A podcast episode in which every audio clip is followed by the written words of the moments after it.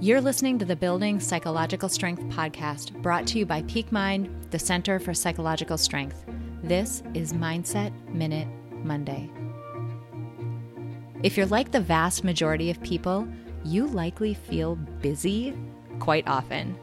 The notion of being busy has permeated nearly every aspect of society, from work to family to our kids' schedules. We find ourselves rushing through life day after day.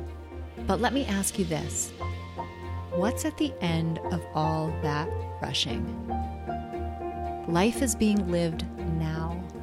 We just miss out on a big chunk of it because we're rushing through it, too busy to notice and appreciate the details.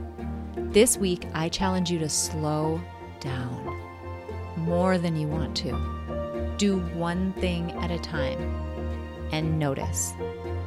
Take time to notice. Try this out and see how you feel. DM us on Instagram at Peak Psychology to let us know how it went, and click on the link in this episode description to take our latest Psych Strength quiz. If you benefit from our content, please drop us a rating and a review on iTunes, and do share this with others who might find it valuable. We'll see you next week for another Mindset Minute Monday.